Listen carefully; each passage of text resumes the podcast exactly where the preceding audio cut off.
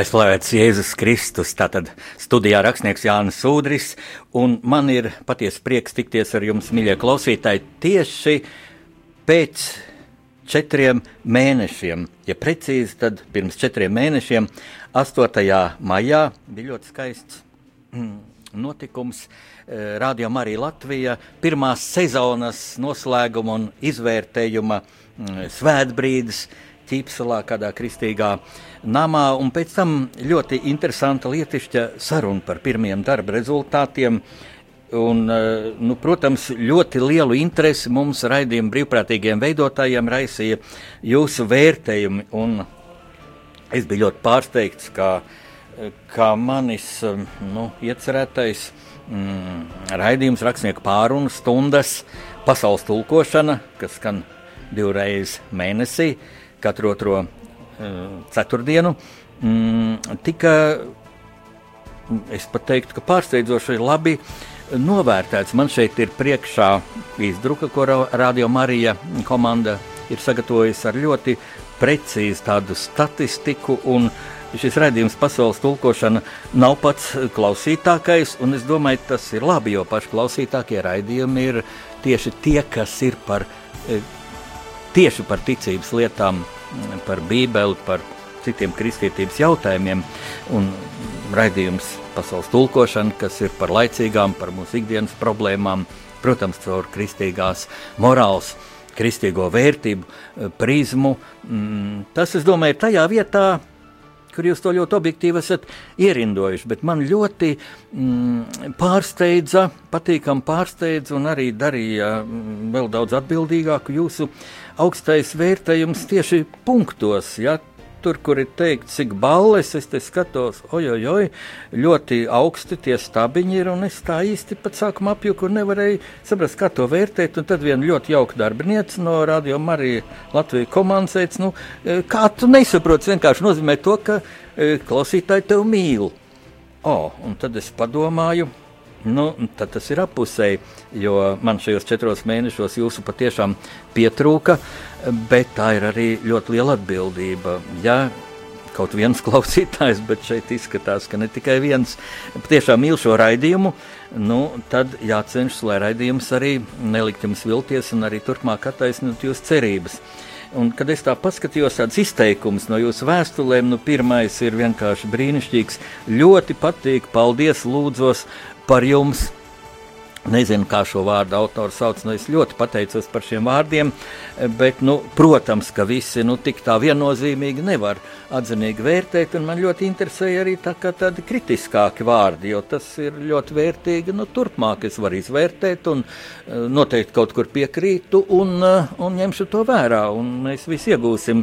Nu, lūk, te kāds raksta, vai kāda, žēl, ka nav vārdu redzams mm, no sākuma nepatika, jo šķita, ka neobjektīvi spriež par dažiem jautājumiem. Taču visumā interesants raidījums ir sevišķi tiem cilvēkiem, kuriem jau ir viedoklis. Nu, nu, brīnišķīgi, ja ir viedoklis, tad mēs varam salīdzināt. Varbūt jūsu viedoklis kādā jautājumā būs, būs mm, pat mm, tuvāks īstenībai, mm, labāk kalpos mūsu zemes attīstībai. Uh, Es labprāt arī ieklausīšos. Es ļoti priecātos par tādu plašāku atgriezenisko saiti turpmāk, ja jūs rakstītu vēstules uz rādio, arī iesūtīt savus jautājumus. Tālāk, te lūk, kāds lasītājs vai lasītāja, man gan liekas, vairāk, ka tā ir lasītāja. Ir jau tā, ka sievietes mūsu sabiedrība ir aktīvākas, gan vairāk klausās, gan vairāk lasa, arī manas romānas vairāk lasa. Sievietes klausītāju konferencēm, mm, vairāk ierodas sievietes, tā kā, nu, gods sievietēm un, nu, vīriešiem vajadzētu saņemties tādā prāta, prāta darbošanās jomā. Lūk, šeit kāda, es atļaušos teikt, klausītāja, saka, es piedaru pie tiem, kuri vēsturi nezinu labi, e, tāpēc man patīk klausīties visu, kas skar vēsturi, tā es padziļinu savu šauro redzes loku. Jā, mm, tas ir tas aspekts, e, par kuru mēs esam arī mm, viensprāts ar Radio Mariju vadītājiem, kurus ļoti cienu, priesteru Pēteru, viņa vietnieku Māru Veliku. E, mēs esam viensprāts, ka šīm pārunu stundām vajadzētu būt ar tādu mazliet izglītojošu mm, raksturu tieši vēstures jomā, jo es kā vēstures, vēsturisku romānu autors arī šo jomu, mm, tieši Latvijas vēsturi, nu, pārzinu, tas ir savādāk nebūtu manas grāmatas, bet, protams, neatraujot no šodienas aktualitātiem, ja šodienas dzīve ir tik spraiga, ka mēs bez tā nevarēsim iztikt. Un tālāk, lūk, šeit ir ļoti interesanti, kā dāma raksta tā. Nevienmēr autoram piekrītu, bet raidījums par pārsteigumu sev pašai Man patīk. Nu, tas ir kolosāli teikts, jo tas nozīmē, ka jums ir, mm, mīļā kristiete, ka jums ir ļoti godīga attieksme pret šo raidījumu, vispār pret dzīvi. Es neesmu nu, naudas banknoti, kas visiem var patikt, un tālāk arī pareizi tiek rakstīts, ka nu, man bieži ir subjektīvais viedoklis, par to vēl kādu vārdu es īpaši pateikšu. Bet, mm, jā, ja patīk, nu jā, tā tad patīk kopā domāt.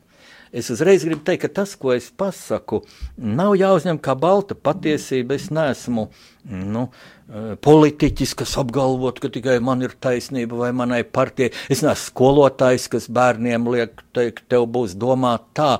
Es vedinu domāt, un dabīgi, ka es to varu tikai tā, ka pasaku savu viedokli. Tas nenozīmē, ka jūs nevarat pateikt savu. Nu, kur es būšu varbūt kategorisks, aizstāvot faktus. Uh, kuri bieži ir mūsu sabiedrībā e, sagrozīti. Man jau pagājušajā sezonā vajadzēja, piemēram, skaidrot, ka, nu, ka Latvija nekad nav ielūgusi Krievijas prezidentu Putinu vizītē uz Latviju, jo visi žurnālisti Nu, tas ir akmens viņa dārziņā. Mūsu mēdī ir bieži neprecīzi. Visi apgalvoja un radīja tādu mākslīgu ažiotāžu. Kas būs, ja Putins pēkšņi teiks, es pieņemu jūsu ielūgumu? Nē, Putins nekad nav ielūgts. Patiesība tāda, ka Krievijas prezidents tika ielūgts. Mūsu prezidents Zaklers 2010. gadā vizītē Maskavā izdarīja šādu ielūgumu, bet, bet, bet Krievijas prezidents no, ne, tobrīd nebija Putins, bet Medvedevs. Vienkārši tas tā, tur, nu, tur nevar būt subjektīvs vai, vai, vai kāds cits viedoklis. Fakts ir fakts, un mans pienākums ir e, tulkot pasauli. Tas tāds simbolisks apzīmējums tam, kad precizēt faktus, kas sabiedrībā, publiskajā telpā ir aizgājuši neprecīzi. Nu, katrā ziņā man ļoti patīk tāds vērtējums, arī daudz labu nianšu katrā raidījumā var dzirdēt, un mm, patīk eh, šāds, šis raidījums, acīm redzot, patīk cilvēkiem ar pašapziņu, patīk skaidrojums par 9. māju, par filmu, Jā, tas bija par filmu Trešā pasaules kara komandu punktā, kur bija modelēta šī situācija, kas būtu, ja, ja Latvijā līdzīgi kā, kā, kā Piedņestars, kā šajā te, nu, Ukrainas separātisti iekarotajā teritorijā, kā lūk, provokatoriski tika izraisīta kara darbība. Nu, lūk, es Visu to, visus jūsu ieteikumus esmu ņēmis vērā. Priecāšos arī turpmāk jūs paudīsiet savu viedokli, ko jūs gribētu dzirdēt. Un acīm redzot, tad tagad ir skaidrāks jau aprises, kā šis redzējums turpmāk veidosies, balstoties uz mūsu sarežģīto, ļoti bagāto un ārkārtīgi maz atspoguļoto un ārkārtīgi slikti kopumā mūsu uh, sabiedrībā un publiskajā telpā zināmo vēsturi. Balstoties to, ja mēs skatīsimies, kā labāk risināt šodienas mm, problēmas, jo tādu ir ļoti daudz, un kaut vai šie četri mēneši, kas ir pagājuši, tie jau veselu vienu vai divus raidījumus varētu veltīt, piemēram, Angļu Brexitam. Mm, mēs visi lietojam šo vārdu, bet daudz pat nezinu, ko tas nozīmē. Bet, acīm redzot, ir saīsinājums no British, jā, BR un exit ir izeja. Ja jūs varat ārzemēs redzēt kinoteātrī, teiksim, tumšā zālē un degvirs izejas durvīm. Uzraksts lampiņa, exit, ja, izēja. Bija mm, šis drausmīgais terorakts uh, Francijā, mm, kad ar kraus mašīnu kāds terorists slepkavoja cilvēkus, un tas tikai rāda, cik uh, neģēlība, cik šie sataniskie mm, teroristi spēki, šie islāma fundamentālisti ir uh, nu, daudzveidīgi savā izdomā, un lūk, viņi jau ne tikai spridzinās mm, cilvēku vidū, izvē, izvēloties tādas vietas, kur ir tieši sievietes, kur ir bērni, kas, kas ir nu, kristi, no kristiešu viedokļa raugoties, man pat trūkst vārdu, lai to pateiktu. Vienīgais vārds, ko šeit var teikt, modrība, modrība, vēlreiz modrība. Ja es kādreiz mm, apelējuši pie mums caur šo raidījumu, pie mūsu atbildīgajām personām, ka vajag vairāk modrību, tad, nu, tad nu, nepārmetiet, ka es esmu subjektīvs. Tas būs mans pienākums. E, lūk, Un ļoti būtisks notikums aizvadītajā vasarā bija NATO samits, jeb galotņu konferences Varšavā, kur tātad visu NATO valstu augstākie vadītāji sprieda un tika pieņemts ārkārtīgi svarīgais lēmums Latvijai, ka mūsu drošībai un arī pārējo Baltijas valsts drošībai tiks izvietoti NATO spēki mūsu teritorijā. Tā kādreiz tos jēdzienus jauc, jo Latvijas armija arī NATO spēki, jā, bet tieši citas valsts NATO spēki, un pie mums tas būs kanādiešu bataljons. Man jāteic īpaši prieks, ka tie būs kanādieši mentalitāte ziņā. Kanādieši, kā ziemeļnieki, ir ļoti tuvi mums. Lūk, tādi jautājumi, par, pie kuriem iespējams es eh, turpmākajos raidījumos mm, pieskaršos vēl atsevišķi detalizētāk, bet šodien Es tā ļaujot jums druskuļi atpūtināt ausis no mana monologa, gribu e, sveikt kādu savu jaunības draugu, brīnišķīgu cilvēku dzimšanas dienā. E, tas ir Remigijs Počs, mm, brīnišķīgs cilvēks no skaistas latgaliešu ģimenes, kurš ir pazīstams zinātnieks, Rīgas Tehniskās universitātes profesors, dekāns, katedras vadītājs, un Lūk, Remīgiem šodien ir dzimšanas diena. Un atceroties to, kā, cik daudz mēs esam nu, skaistus brīžus kopā pavadījuši, man nāk prātā divas ļoti zīmīgas epizodes. Un, ja Remīgi, ja tu šobrīd klausies, Radio Marija Latvija, tad arī atcerēsies to. Mēs jaunības gados ļoti daudz ceļojām ar smailīti, ar turistu smailīti pa Latvijas upēm. Mēs izbraucām uh, Daugavu, lielu gabalu, Ventu un, un vēl Braslu un, un Irbes upi. Un braucām arī pa Gauju. Un Gauja mm, diezgan liela gabala ir robeža, veido robežu starp uh, Latviju un Igauniju. Un toreiz tā bija Padomju Savienība, visa viena valsts, kā robeža nebija, nu, bet formāli bija tāda administratīva administratīvā robeža, un mēs krietni gabalu braukuši, tā, lai atpūstos, piestājām Igauņu krastā, un tur bija tāds stāvu krasta krauju. Mēs tajā kraujā sēdējām, kājas malai pārkāruši, un skatāmies uz Latvijas krastu, nu, kurš nav tālu, pārdesmit metrus gauja plati ir. Un pēkšņi Remigijs pēc tāda klusuma brīža man saka, tu padomā, Jāni, tas viss, kas mums ir priekšā, ir mūsu zeme, mūsu Latvija un tajos vārdos bija tik dziļa ietilpība. Es domāju, tas ir tas, par ko mēs esam atbildīgi. Ja saprotiet, mums aiz muguras vairs neviens latviečs nebija, tikai igauņi. Mēs bijām Igaunijas krastā. Un tajā pašā dienā, kad jau sliecās uz dienu uz vakaru un sāk arī līņāt, mēs meklējām naktsmājas un kādā Latvijas krastā kāda. Mm, kāda sieviete mūs ielaida pirtiņā pārgulēt. Mēs tur uz grīdas izrullējām guļamaisus un apgulāmies un sākām runāt. Un kurš iesāka to valodu, bet laikam jau remīgīs par to, kā būtu, ja Latvija pēkšņi sadomātu izmantot PSRS konstitūcijas dotās tiesības izstāties no Padomjas Savienības. Tas bija kaut kur 80. gadu sākumā. Un, un te man jāpaskata ar jaunajiem mm, klausītājiem, Radio Marija Latvija jaunajiem klausītājiem, ka PSRS konstitūcija, kā daudzi mm, zinātnieki ir atzinuši, Pēc tā teksta bija viss tā demokrātiskākā konstitūcija pasaulē. Tur bija absolūti visas tiesības dotas.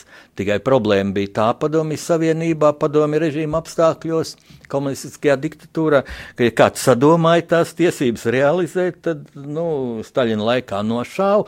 Pēc tam šis režīms kļuva humānāks tādā veidā, ka tos ieslodzīja uh, psihiatriskajā slimnīcā. Jo pateica, ja tu šādu izcilu dokumentu vēl te gribi kaut kā arī izlietot, ja tev nepietiek ar to, ka tu viņu lasi, nu, tad tu neesi garīgs, garīgi vesels.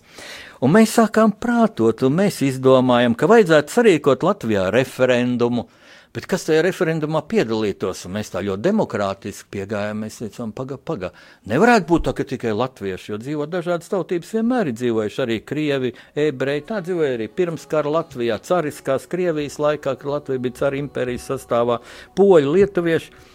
Tā mēs nospriedām, vajadzētu Latvijas pilsonību. Un toreiz tas bija tādas uh, skaistas fantāzijas, kam Latvijas pilsonība piešķirt. Nu, tiem, kas ir dzimuši neatkarīgā Latvijas valstī, tātad pirms kā ar viņu bērniem, viņu mazbērniem.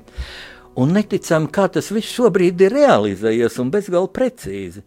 Un, redziet, mēs jau to brīdi nebijām galīgi bērni. Mēs jau bijām, Remigijs bija jauns zinātnieks, es to brīdi biju jau diezgan pieredzējis žurnālists. Nu, tā apmēram 25 gadus vecs mēs bijām. Cik ļoti tas viss ir piepildījies. Un tagad mēs redzam, ka nebūtu nav vienkārši baudīt šīs brīvības augļus, cik bieži mm, tiek pieļauts kļūdas, uh, Kāpēc Latvijas attīstība kopumā, tomēr, vai mēs to gribam redzēt, vai ne ir lēnāka kā Igaunijas attīstība? Mēs atpaliekam ekonomikas rādītājos, un, un nedomāt par to, tas nav godīgi. Tā ir tāda strausa politika, ir par to jādomā. Lūk, es uz to visu aicinātu, bet šobrīd es gribu vēlreiz sveikt savu draugu Remīgiju Poču viņa dzimšanas dienā.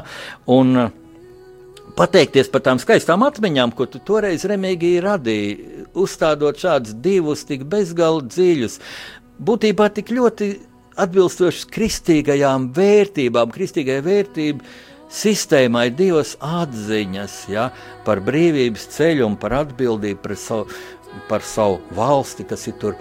Par savu zemi to brīdi vēl nebija mums savu valsts atjaunot, par to zemi, kas ir upei pāri otrā krastā. To atceroties, es sveicu savu draugu Remīgiju Poču, profesoru, ar brīnišķīgu dziesmu.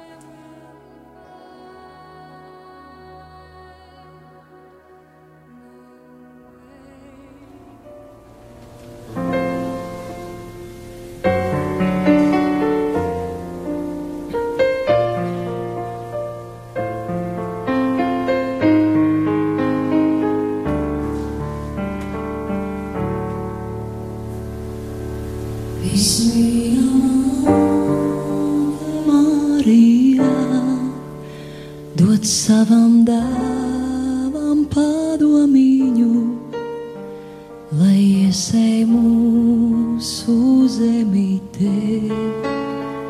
Tik mīlu vien, tik mīlu vien, to mīlu, kas no zemes cels, mūsu viņa paradīzes dārzā kur tumsas naida baiļu nav. Tik mīla vien, tik mīla vien, ak mīļa māte Marija, tu mārā zemes karaliene, ak mīļa māte.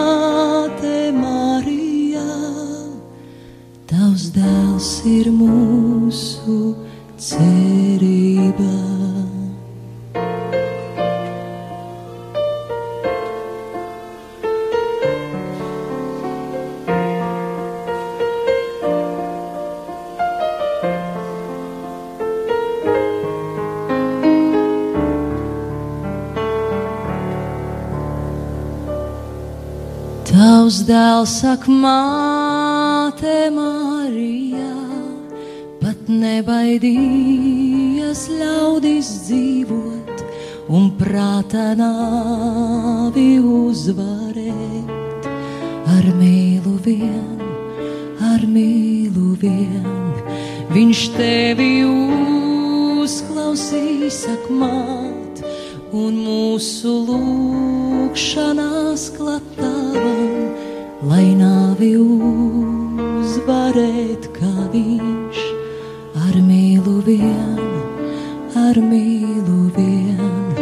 Ak, mīļa māte Marija, tu mārā zemes karaliene, ak, mīļa māte Marija, tavs dēls ir mūsu ticībā.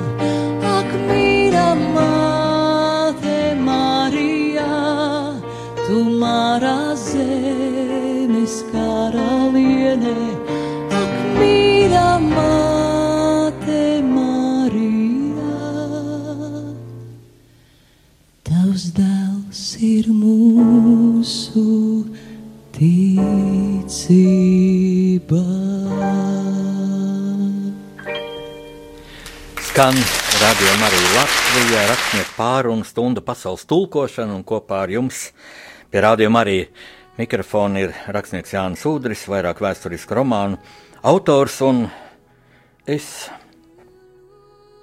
gribu teikt tādus vārdus.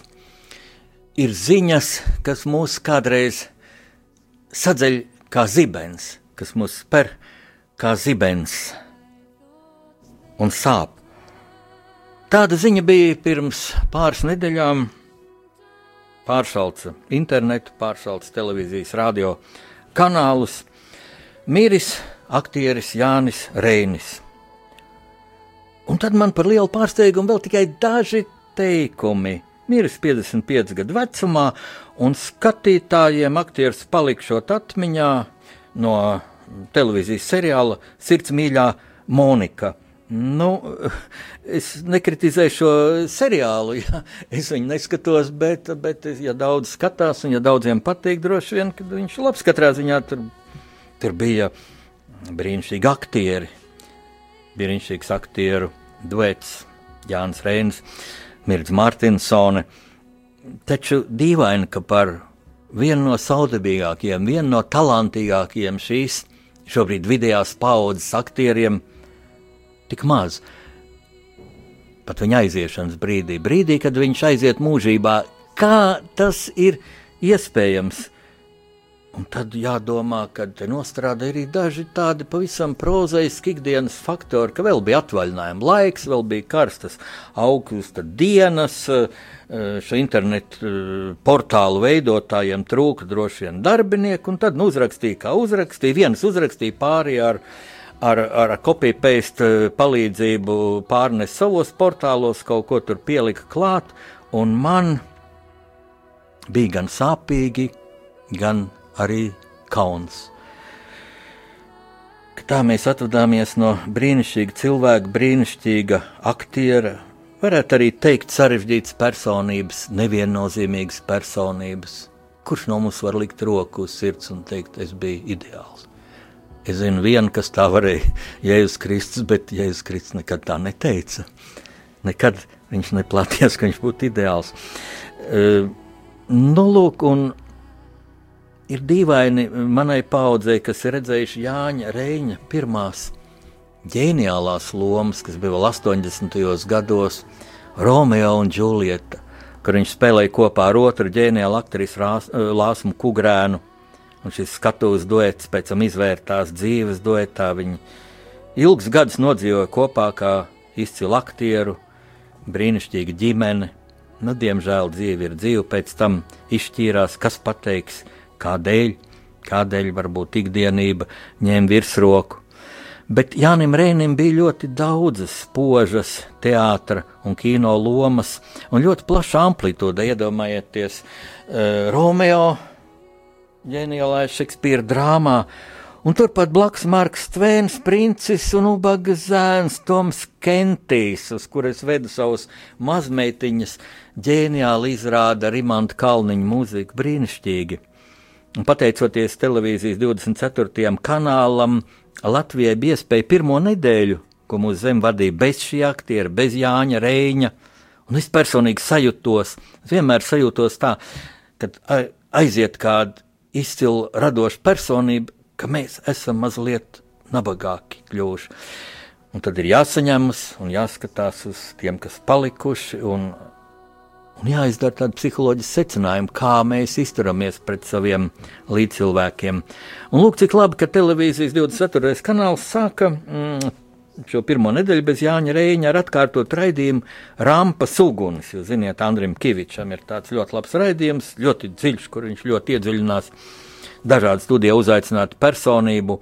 Mm, garīgajā pasaulē, bet tajā raidījumā mm, Andris, tas bija atkārtojums, un Andris bija uzaicinājis mm, studijā filmas Rīgas sargi veidotājus un uh, Hēķi Graubu un bija no aktieriem Jānis Reinis. Tad raidījums bija atkārtojumā.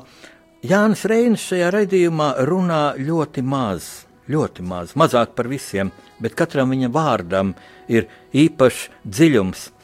Un man ļoti iedzēla iegūla, iegūla sirdī mm, arī tādi vārdi, ko režisors Grauba šajā raidījumā citēja, proti viņš citēja izcilo kino kritiķi Valentīnu Freimani, kura mm, teica tā, ka nav taisnība, ka jārāda skatītājiem tas, ko skatītāji grib redzēt Parasti jau tā dara, jo tad pērk labi biļetes, tad ir ienākumi, un, un skatītāji labi izklaidējas, un, un tas tāds labs biznesiņš.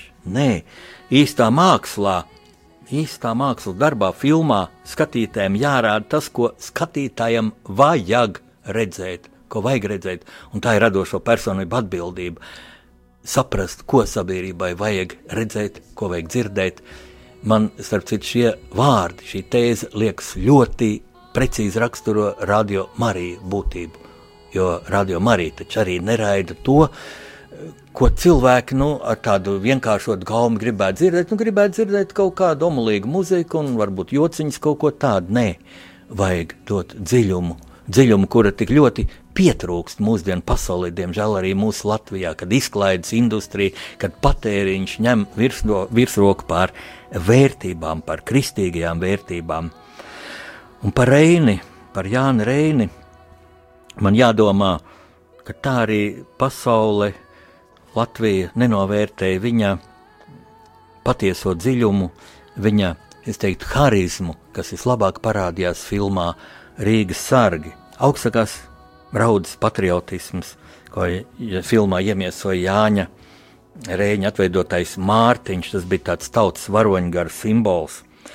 Un īpaši šī tēla fenomens atklājas laika dimensijā, jo pirms nepilniem desmit gadiem, kad šī filma iznāca uz ekrāniem, es uzrakstīju recenziju. Recenzija bija publicēta laikam ar nosaukumu Latvijas mīlestības stunda, jo, kad teica, nu, beidzot, filmā ir sniegta Latvijas vēstures stunda, tad es uh, tā iebildu, paga, pagaidi, druskuļi uzmanīgāk būsim. Vēsture tur ir nu, de, dažās detaļās stipri tā improvizēta un neprecīza, bet filma ir vēl vairāk devusi Latvijas mīlestības stundu, un ja jau jaunā paudze īpaši mīlēs Latviju, tad arī viņi mācīsies Latvijas vēsturi. Un es citu starpā biju arī aizrādījis, ka tur filmā atcerieties, ir tāda epizode, ka Mārtiņš krogā mm, ar šņabiem glāzītēm rāda, kā, kur, kur atrodas Bermuda spēki un kā latviešiem vajadzētu iet tādā māņu uzbrukumā pār Dāngavas tiltiem, lai tur izraisītu kauju Torņkalnā un, un tad galvenie latviešu spēki pienākt no ziemeļiem, jau pārdaugovā un sakaut Bermuntiešu. Patiesībā tā arī bija, tikai es aizrādīju, ka šo operāciju, protams, neizraisīja vienkārši simpātisks e, strēlnieku puisis Mārtiņš, bet, bet e, kara mākslā sauks izglītoti ģenerāļi jau vīras irmām galvām, kāda Latvijas armijā to laiku bija. Jā, tie, kas bija caru laiku armijas ģenerāļi, kas bija patriotiski nostājušies savas nacionālās armijas ģenerāla štāba vadībā. Nu, lūk, bet, bet tagad es domāju, labi, ka filmas veidotāji ielika šo viedo ideju, kā sakot, Bermontieši tieši vienkārši puiša Mārtiņa, Mārtiņa mutē, Mārtiņa prātā, jo Mārtiņš simbolizē tautas varoņu garu. Un tad es tā iedomājos, cik tas ir zīmīgi, un tagad arī cildeni, ka vietu savai mūža mājai Jānis Reinis, kaut it kā vēl pajauns cilvēks, tikai 55 gadi, bet viņš bija pateicis dzīves būdams, ka viņš grib, lai viņu apglabā ilūkstes kapos blakus viņa vecstāvam. Un viņa vecāks bija Latvijas brīvības cīnītājs.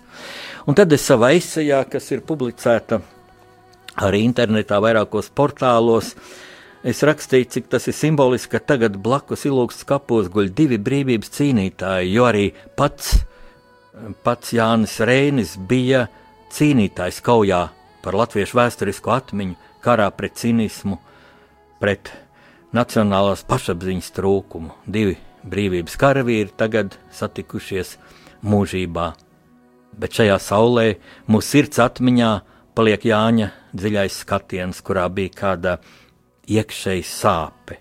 Vismaz man tā likās. Un diez vai tagad vietā būtu prātot, kāpēc Reinas pats vairs nestrādāja teātrī, jo tādi ir nežēlīgie kapitālisma likumi, diemžēl, ka teātrī tādi nestrādā daudzi, izcili aktieri. Mēs atceramies, ka izcilais aktieris Ulrichs Pūcīts tirgoja Agenskalnu tirgu pierādziņus.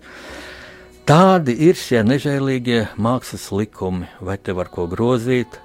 Vienkārši jābūt cilvēkam ļoti stipram, lai tiem pieskaņotos, vai tiem spēj pieskaņoties radošās personības, kas bieži vien ļoti trauslas. Nu, lūk, tāds skatuves mākslas tīradnis, kā bija Jānis Reinis, kuram pēc visiem taisnīguma likumiem vajadzēja nospēlēt vēl ļoti daudz spilgtas, izcilas teātru un kino lomas.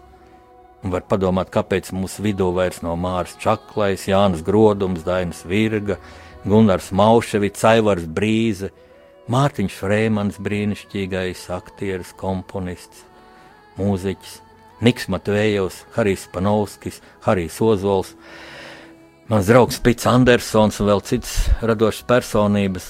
Katra cilvēka aiziešana ir ar savu diagnozi. Vien dažkārt šīs diagnozes ir līdzīgas, un cīniķi internetu komentāros vietā dažkārt, diemžēl, vietā, ļoti bieži nevietā min alkoholu, min kādas citas atkarības, bet vai tā nav tikai aizberga redzamā daļa, jo nav vajadzīgi īpaši statistikas aprēķini, lai redzētu, ka visievainojamākie starp cilvēkiem ir radošās personības. Mākslinieki, kas sevi dedzina talanta realizēšanas ugunīs, nežēlīgā konkurences cīņā ar dzīvi, konfrontācijā ar aizkulišu viziņu, intrigām. Un Jāņa Rēņa piemiņa liek domāt par parādību, kurā var saskatīt bīstamus simptomus, ziniet, pat es teiktu, nācijas liktenim, ja mēs nenovērtējam savus labākos, izcilākos, jo tieši viņi priekšlaicīgi aiziet no dzīves. Vīrieši, cik zīmīgi vīrieši, ko dēvē par stipro dzimumu, taču šī dzīvības un nāves saspēle atgādina, ka psiholoģiski acīm redzot stiprāks ir sievietes, psiholoģiski. Laikam tā tas no dabas ir ielikts, lai turpinātos dzīvība. Kaut arī sievietēm, radošajām personībām ir pazīstama šī smagā talanta, smagā nasta, sakāpināts, pašmokošs jūtīgums, īpašība, ko izprot tikai retais. Un vēl mazāk ir to, kas šo īpašību otrā respektē un audzē. Ziniet, atceroties kluso vaicājumu Jāņa Rēņa skatienā mums, latviešiem, tagad, manuprāt, katram vajadzētu ieskatīties spogulī un uzdot klusībā, divu vientulībā pašam ar sevi uzdot sev jautājumu, ko es pats esmu devis, ko dodu un esmu gatavs vēl dot savai zemē un savai tautai. Cik godīgs, iejūtīgs un saprotošs es esmu pret saviem līdzcilvēkiem, pret savējiem.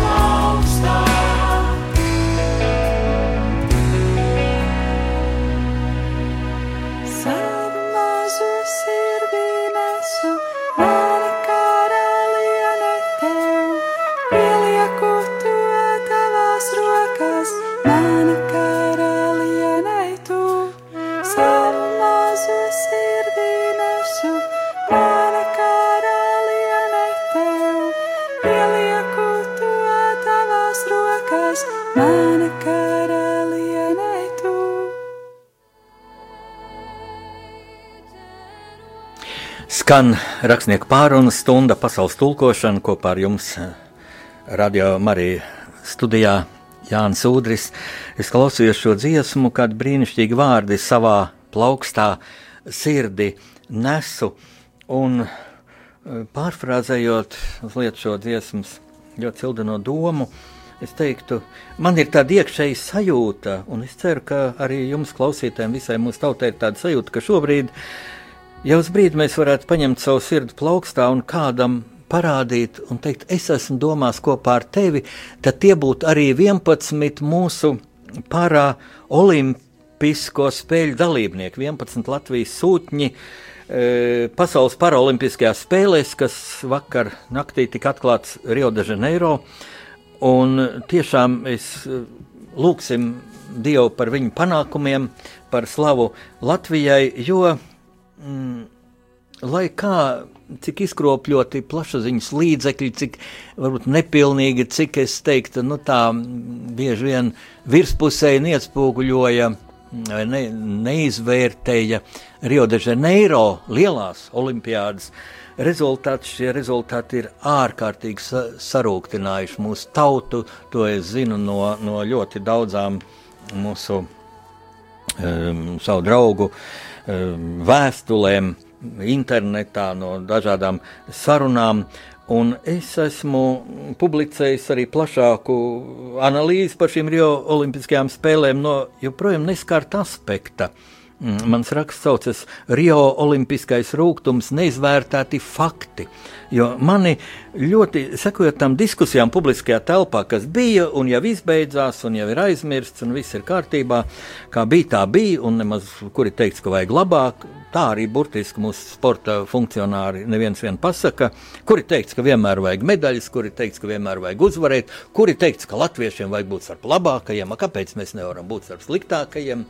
Un uz uh, viens uh, internetā uz šo manu komentāru viens mans sens kolēģis, kādreizējais televīzijas žurnālists Vilnis Staņa atbildēja, jā, jā, tu pareizi raksti, bet, nu, sporta funkcionāriem par to ne silts, ne augsts, un, un viņi ir bijuši un būs sportisti, var nākt un iet, un ja, ja sanāks labi, tad funkcionāri prasīs, lai viņiem pieliek algu, un, un ja būs slikti, tad sportists bija vainīgs, un lūk, tagad Olimpiskās komitejas prezidents Rubļevskis saka, ka ka varbūt Mārcis Strombergs, paklausieties, cilvēks, kas ir divreiz Latvijai dabūjis zelta medaļu, divreiz. Pateicoties Strombergam Pekinā un, un Londonā Olimpijādē, skanēja Dievs sveitī Latviju, mūsu karoks tika pacelts augstākajā mastā, tagad šis cilvēks varētu nesaņemt šo, šo finansējumu turpmākai da, dalībai Olimpijādē, un tad man bija tāds rūgtums, ka es urakstīju cilvēkam, kas ar tādu attieksmi pieiet savam ļoti augstajam amatam varbūt vajadzētu tagad demisionēt, ja viņam būtu,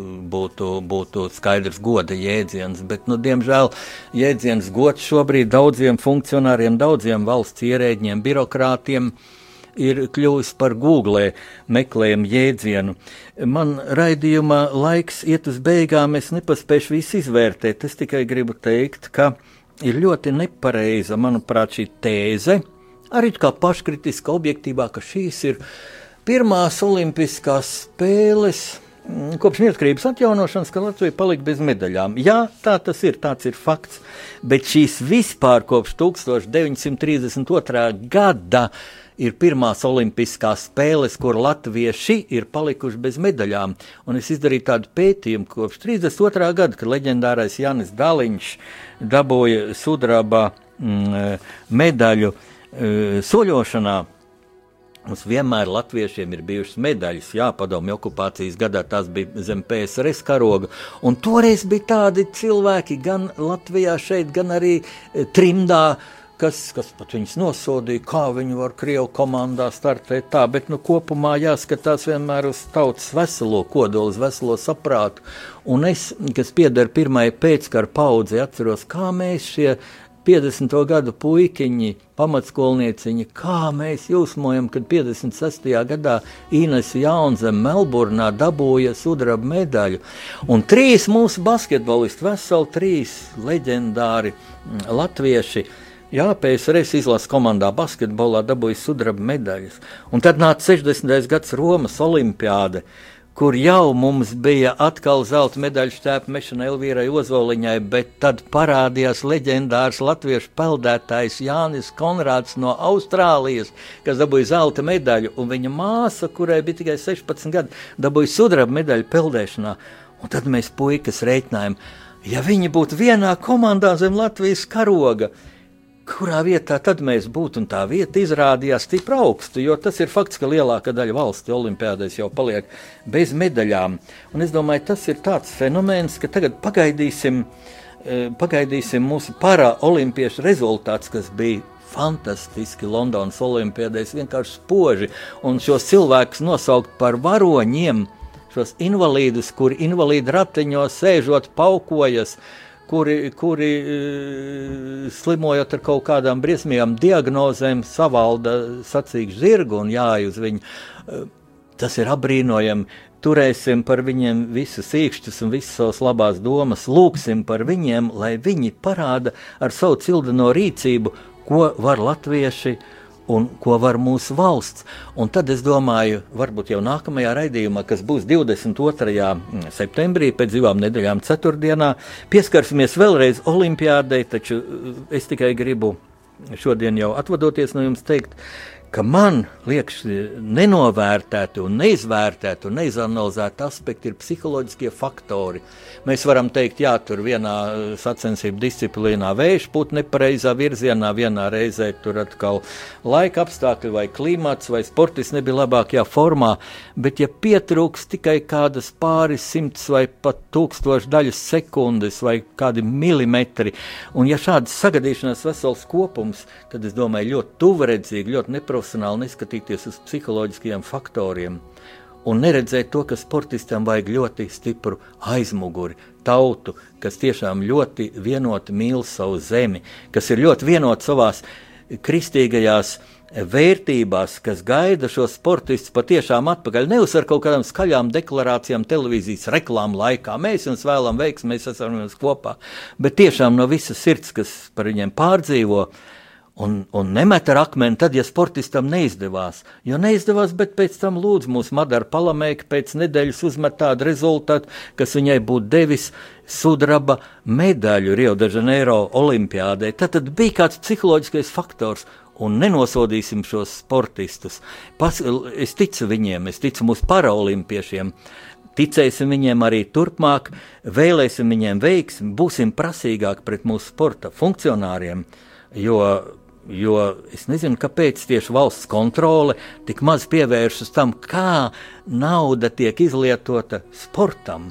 Lūk, visu to vajag paskatīties un dziļāk par to parunāsim nākamajā pasaules tulkošanas raidījumā, rakstnieku pārunu stundā pēc divām nedēļām, 4. un 22. septembrī. Tagad es atvados, lai Dieva svētība jums visos darbos, ko jūs uzsākat un novedat līdz galam, un lai pāri visam, lai veiksmi mūsu paraolimpiešiem Rio de Janeiro Olimpiskajās spēlēs ar dievpalīgu.